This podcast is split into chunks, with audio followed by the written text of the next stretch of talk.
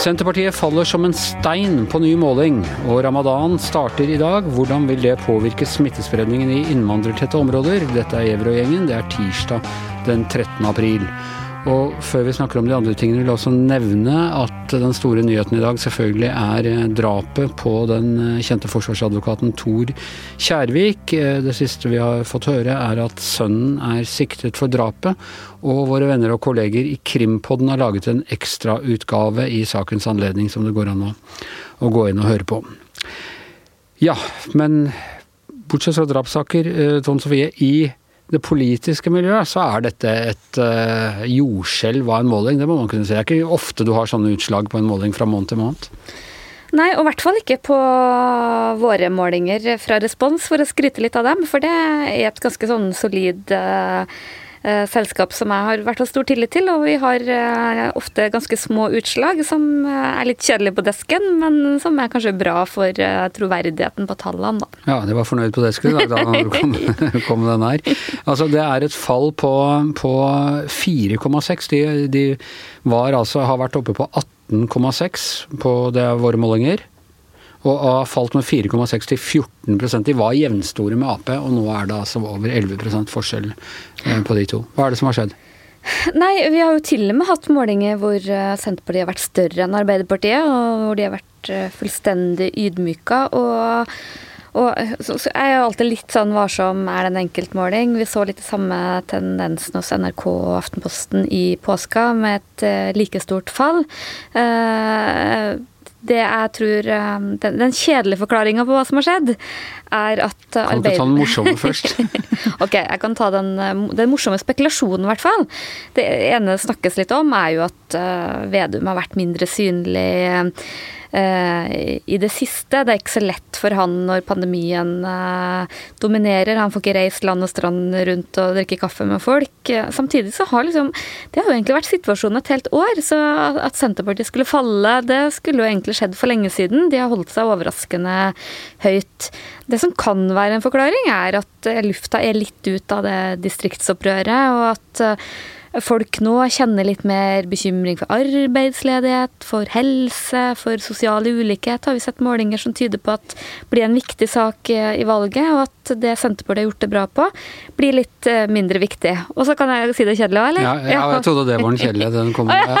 ok, kom igjen. Okay. Nei, det kjedelige er jo at Arbeiderpartiet har fått litt mer orden på seg sjøl. De har tetta litt sånn lekkasjen til Senterpartiet. Det har de brukt litt tid på i så fall? Det har de brukt, men, men det er ikke bare Arbeiderpartiet som har gjort det.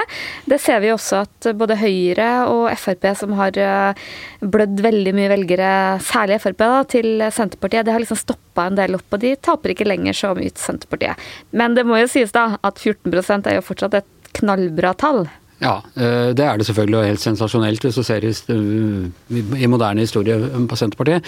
Men jeg spørre deg, denne går vel da under eh, den halvkjedelige, da, eller halvmorsomme. Men uh, i går f.eks. så hadde Dagsavisen oppslag på at Senterpartiet ville uh, ville at man ikke skulle ta førerkortet fra promillekjørere i distriktene da tenkte jeg at nå er de ganske langt utpå der på å finne på rare ting for å holde seg i nyhetene, og så kommer denne målingen etterpå. Er det litt sånn at de har brukt opp altså det er, vel et, eh, det er vel en smertegrense også for hva et traust parti som Senterpartiet, egentlig i midten av norsk politikk, kan finne på av sånne populistiske utspill før det begynner å, å frike opp i kantene? Ja, og det lyste vel litt sånn desperasjon ut av det promilleutspillet. Uh, og jeg tror nok en del i partiet har liksom tenkt at en del av det er uh, dieselbil på Tøyen og sånn har liksom vært litt i grenseland. Men det har fungert så fryktelig godt. Ja. Uh, Fyllekjøre med dieselbil på Tøyen, det skal liksom få Senterpartiet inn fra Oslo? Ja, ja men jeg, jeg, tror nettopp det at Vedum har så til de grader truffet en nerve, at han har mer eller mindre gjort Senterpartiet til Norges største parti i perioder, har gjort at uh, man kanskje har tenkt mer av det samme, mer av det samme, for det har funka så godt, så gjør du jo kanskje det bare til én grense. Men um, jeg er jo litt sånn spent på hva det her gjør med om det Hva det gjør med stemninga. For eh, Senterpartiet har jo lenge hatt veldig stor fordel av å være i en sånn positiv spiral. Fått veldig mye oppmerksomhet. Alle skal forklare, forstå Senterpartiet og forklare Senterpartikoden. Og de får den ene supermålinga etter den andre. Det er en liksom behagelig plass å være. Men når det liksom går andre veien, selv om det egentlig er knalltall, 14% så blir det liksom negativt. Og det kan fort bli litt sånn sjølforsterkende. Sånn var det ofte de første årene med, med Carl I. Hagen, da han virkelig begynte å få sve fra, fra 97 og sånn, da han virkelig begynte å få Nei, 87, da han begynte å få sving på Fremskrittspartiet. Hadde veldig gode målinger sånn på vårparten og utover sommeren. Og så falt han gjerne litt uh, innen valget. Og da, selv om han fortsatt gjorde det bra i forhold til utgangspunktet, så var det liksom ble det litt nederlag uh, over de tingene. Hvor langt kan Senterpartiet uh, Hvor kan Senterpartiet havne og på valgåret fremdeles vil føles som en ganske stor seier, og hvor vil det begynne å, å føle som det tross alt er, at det er et nederlag fordi de har vært så mye høyere på målingene? Hvis jeg sier 15% da. Mm jeg tror jo alt over 15% er jo knall. Egentlig er jo alt over 10 det er jo også kjempebra. I den kjedelige versjonen. ja. Men så har de på en måte De har flydd så høyt, og det har vært så mange som har liksom spådd, meg sjøl inkludert, skal ikke skylde på alle andre, men liksom er Senterpartiet det nye folkepartiet i nord Det, det er liksom vært eh, Man har snakka om Vedum som statsminister. Her, her, har jo han vist seg klok. Ja, han nemlig. Har jo, han har jo det. Han har jo hele tiden tatt seg høyde for at dette og, kunne ja. Ja, og han har ikke falt for fristelsen, som jeg tipper må ha vært ganske stor. Erklære seg som presidentkandidat?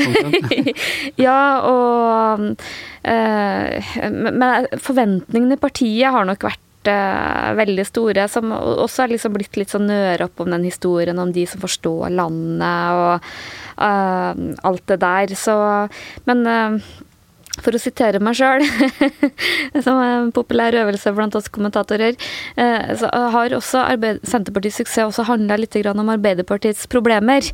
Og hvis Arbeiderpartiet klarer å få ordna litt mer opp, da, så, så det henger liksom uvilkårlig litt sammen, det der, da. Ja. Men da er vi enige at alt over 15 til valget er suksess, og over 10 er uh, ikke lov å være skuffa. Er det eller skuffa kan det være, men det er fortsatt, fortsatt anstendig. Hva fikk de uh, forrige gang? Eh, liksom, når de gikk inn i regjering, da, for å ta en sammenligning, i 2005 ja. så hadde Senterpartiet 6,5. Ja. Så det er jo liksom over dobbelt så mye. Så Sterke, jo, mye ja. sterkere mandat. Men så er det liksom, vil det her bli en sånn der, at det, at det virkelig begynner å rulle? ikke sant? Det er jo det, Man har jo litt sånn snakka om den SV-fella. SV var jo der en gang at de gjorde det kjempebra. Og, og, var til og med større enn Arbeiderpartiet på noen målinger. Og så begynte det ikke sant, å rakne, og da rakna det fullstendig, og de måtte liksom berge stumpene. Og det er jo det mange har stilt spørsmål om. Kan det samme skje med Senterpartiet? For liksom, den veksten har liksom vært så voldsom. Og så er det noe med å få det kritiske søkelyset på seg da, som gjør at det Ja, det kritiske søkelyset virker ikke som det har virka Tror du det er det som har kicka inn, eller er det mer sånn at eh, Nei, jeg vil si at i den perioden Senterpartiet bare vokste, vokste, vokste, så ble det veldig mye sånn jubelintervjuer og forstå Senterpartiet. Jeg tror ikke vi har i pressen har Vi har ikke vært gode nok ja, før nå? Nei, det er et eller annet med når, når noe går bra, så begynner man å, å bli også tatt mer på alvor, ikke sant. Det er noe med det. Som f.eks. klimapolitikken til Senterpartiet, hvor de ikke akkurat har, eh, har eh, svart veldig overbevisende om helheten i sin politikk. Så det, det henger jo litt sammen, da. Du, helt kort til slutt. Eh, det er jo spennende hvem som kommer over sperregrensen av jeg husker ikke hvor mange småpartier det er vi har som, som balanserer rundt der. Rødt ser helt klart ut til å legge over sperregrensen nå. Hva med de andre? Ja, Rødt gjør nok en veldig sterk måling og er um, Jeg greide å skrive en kommentar at Rødt var det største av partiene. Da mente jeg selvfølgelig sperregrensepartiene, og det ble sitert i Klassekampen. Sikkert i stor jubel eh, eh, noen plasser, men, men, Rødt er det partiet som eh, gjør det sterkest. Også MDG over. Kjente nesten sånn litt uhygge. Rødt, det største partiet i Norge. Ja, ja, det var vel også noen som tenkte det. Mens Venstre og KrF nærmest som vanlig er under, men så vet vi sånn historisk at Rødt har en tendens til å falle i valg. MDG har også gjort det samme, mens KrF og Venstre kan ha mer sånn velgere i banken, da. Så Men er det bare Rødt som lå over sperregrensen på, på denne målinga? Både Rødt og MDG. Og så MDG. det her er en måling Sett med Jonas Gahr Støres øyne, da. Endelig får han eh, eh, noe veldig positivt. Ikke bare gjør Arbeiderpartiet det veldig Ikke historisk veldig bra, men nærhistorisk nær historisk veldig bra på den målinga. De tetter liksom gapet mot Høyre, de viser hvem som er sjefen på rød-grønn side og ydmyker Senterpartiet litt igjen. Og ikke minst så er det rød-grønt flertall. Så det er liksom en veldig bra inngang til Arbeiderpartiets landsmøte. Det ser bra ut for Ap. Enn så lenge får vi si det er ennå flere, flere måneder til Det er valget. flere målinger igjen. Det er det, men jeg begynner å kjenne at nå, nå begynner det liksom å, å Det bli er fem måneder i dag, faktisk. Fem måneder i dag, ja. Ja. ja. Da skal vi ha det moro i de fem månedene som kommer, eh, Tone Sofie. Eh, Shazia Maid, eh, velkommen her. Du er med oss. Vi andre sitter i studio i dag, faktisk. Det er ikke, er ikke så ofte vi gjør. Du er med oss eh, på lenke, dessverre, pga. en misforståelse. Ja, det- jeg trodde jeg skulle få kommet meg, endelig kommet meg på VG-huset, men den, den gang ei. Neste gang. Neste gang så skal jeg eh, forstå meldingen din bedre og kaste meg i bilen. Neste gang skal jeg være litt tydeligere. Jeg skal lære av Senterpartiet å være litt tydeligere i, i budskapet når jeg kaller inn til, eh, til podkast. Du, eh, ramadan starter eh, altså i dag. Eh, en av de, de store muslimske feiringene. Vi vet jo fra før av at altså, julen, jula førte til et oppsving i, i eh, i smittespredning. Påsken ser det ut som vi har eh, blitt klokere. Eh, Hvordan tror du ramadan vil, vil påvirke? Dette er jo dessverre andre ramadan, hvor det var andre påsken, og andre ramadan hvor vi har en pandemi, og, og smitteverntiltakene er faktisk strengere enn de var i fjor. Nå er det jo bare lov i Oslo å besøke av to personer. Og de fleste muslimene i Norge bor jo i Oslo. Så, så det her er jo eh, eh, eh, ikke så veldig eh, gøy. Fordi at ramadan er jo den desidert viktigste høytiden for muslimer verden over. Så det blir spennende å se hvordan det går fremover. Men jeg er ikke så veldig bekymret for smittespredningen som jeg er for vaksineringen. Eh, Av eh, folk med innvandrerbakgrunn, og særlig muslimer. For det har gått en eh, debatt rundt dette her med om du kan ta vaksine mens du faster. Ja, Det kan man. Så det er diskusjon om hvorvidt liksom, vaksine er inntak av næring, da. Ja. Og der syns jeg faktisk at norske imamer og norske moskeer har vært beundringsverdig tydelige og tidlige, tidlig ute med å, å på en måte avklare den problemstillingen og sagt at du kan og du bør ta vaksinen selv om du faster. At eh, det ikke nødvendigvis bryter vaksiner, og selv om det skulle gjøre det, så, så på en måte er det verdt det. Og det syns jeg er eh, kjempebra og kjempeviktig. Men jeg er likevel Min bekymring henger jo sammen med den vaksineskepsisen man har sett f.eks. i England. Eh, Der har det vært eh, stor vaksineskepsis i enkelte innvandrermiljøer. Men for å ta det positive, da. Altså du, du tror at man har lært viktige ting om smittespredning siden forrige eh, ramadan, og eh, ja, slik man også viste i jula, så at det er grunn til optimisme. Man har ikke disse store fellessamlingene hvor folk sitter tett på hverandre og sånn. Jeg, jeg eh, tror det, faktisk. Fordi det jeg har sett i år, er noe jeg ikke har sett før i mitt liv. Det er jo at eh, eh, altså, alle, høyt, alle religiøse høytider handler jo om å samle folk. Samle sine nære og kjære, spise store middager. Det er jo det det handler om, ikke sant? Eh, og, og det har jo vært en veldig sterk tradisjon i, gjennom hele ramadan-måneden. Men i år så har folk, muslimer, da sendt til hverandre store pakker med mat på døra. Ikke sant? Eh, og, og, gjort, og prøvd å gjøre andre ting som en erstatning for den, det samholdet og den rausheten man har vist overfor hverandre. Da.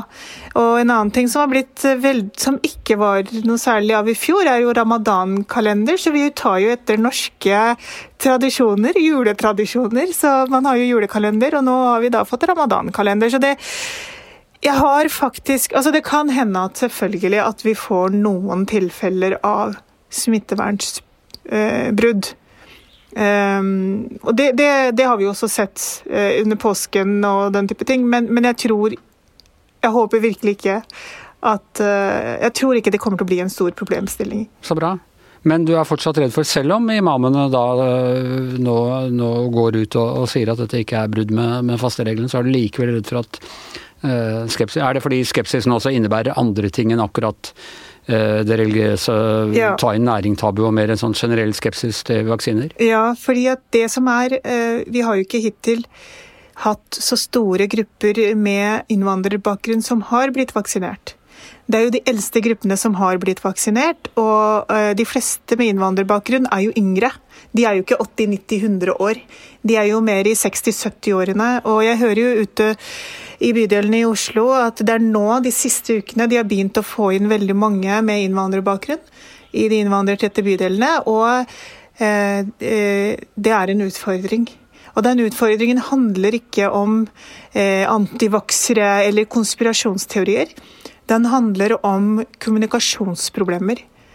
Vi eh, som har norsk som førstespråk, vi har jo satt oss grundig inn i å følge med på hele nyhetsdekningen av vaksinene. Liksom hva som skjer med AstraZeneca og de andre. Mens de som ikke har, er så stødige på norsk, eh, for dem så er dette her eh, grunn for engstelse. Så, så bydelene sliter faktisk med å få folk eh, Med å berolige folk om at det er greit å ta vaksine. I går snakket vi med hans kollega Hans Petter Sjøli om konspirasjonsteorier. Eh, og da egentlig blant konspirasjonsteorier eh, blant da etniske nordmenn, av de som ja, ikke vil ta vaksine, ikke tror på uh, smitten, ikke tror det er så farlig, tror at Bill Gates har osv. Uh, er det mye sånn i innvandrermiljøene, eller er det bare mer en sånn litt sånn, som du sier, manglende informasjon og litt sånn generell skepsis til, til myndighetene? Jeg tror ikke det er skepsis til myndighetene det er snakk om. Altså, det er veldig, altså, antivaksere kan du ikke overbevise. Uansett hva du sier, men jeg tror du kan overbevise folk med innvandrerbakgrunn hvis du, eh, hvis du er tålmodig og forklarer at dette ikke er farlig. Og så har jo AstraZeneca selvfølgelig hele den episoden skremt folk, vanlige folk, ikke sant? og særlig da folk med innvandrerbakgrunn. Men det, eh, grunnen til min bekymring er jo hva vi ser nå i England. Eh, der utspiller det seg jo Altså Det er en veldig alvorlig eh, situasjon der, fordi at eh, f.eks. i London så har 44 eh, av eh, si, hvite eh, briter i London har tatt vaksinen. Det samme tallet for folk med etnisk minoritetsbakgrunn er 22 så, så, så problemet er mye, mye større der. Og hvordan dette blir i Oslo og i Norge, det får vi vite nå fremover. For det er nå disse gruppene blir kalt inn til vaksinering. Men jeg tror faktisk at vi ikke kommer til å være i nærheten av det vi ser i England. Men jeg tror det er en problemstilling som er i emningen her. Det blir nesten like spennende som valget. Det er sånn Sofie, kanskje enda mer spennende, vet ikke, hvis du måtte velge? Nei, det var et enkelt valg. Ja. Bare de åpner opp. Ja. ja. Bare de åpner opp, og, og, vaksinen er på gang. Jeg ser bare på Facebook at nå, nå begynner den å nærme seg folk jeg uh, kjenner og, og, sånne ting. Så nå er jeg ikke av de aller yngste, men Du bor i feil eh, bydel, uh, Anders. Du vil flytte til østkanten, Anders? Kanskje jeg blir eh, vaksinert før deg? Det kan hende. det kan hende. Jeg så jo også at hvis jeg, jeg kunne få nærmeste, raskeste måten å, å, få seg underliggende sykdom på, var å gå opp voldsomt i vekt. Men nå, eh, nå tror jeg ikke det er nødvendig.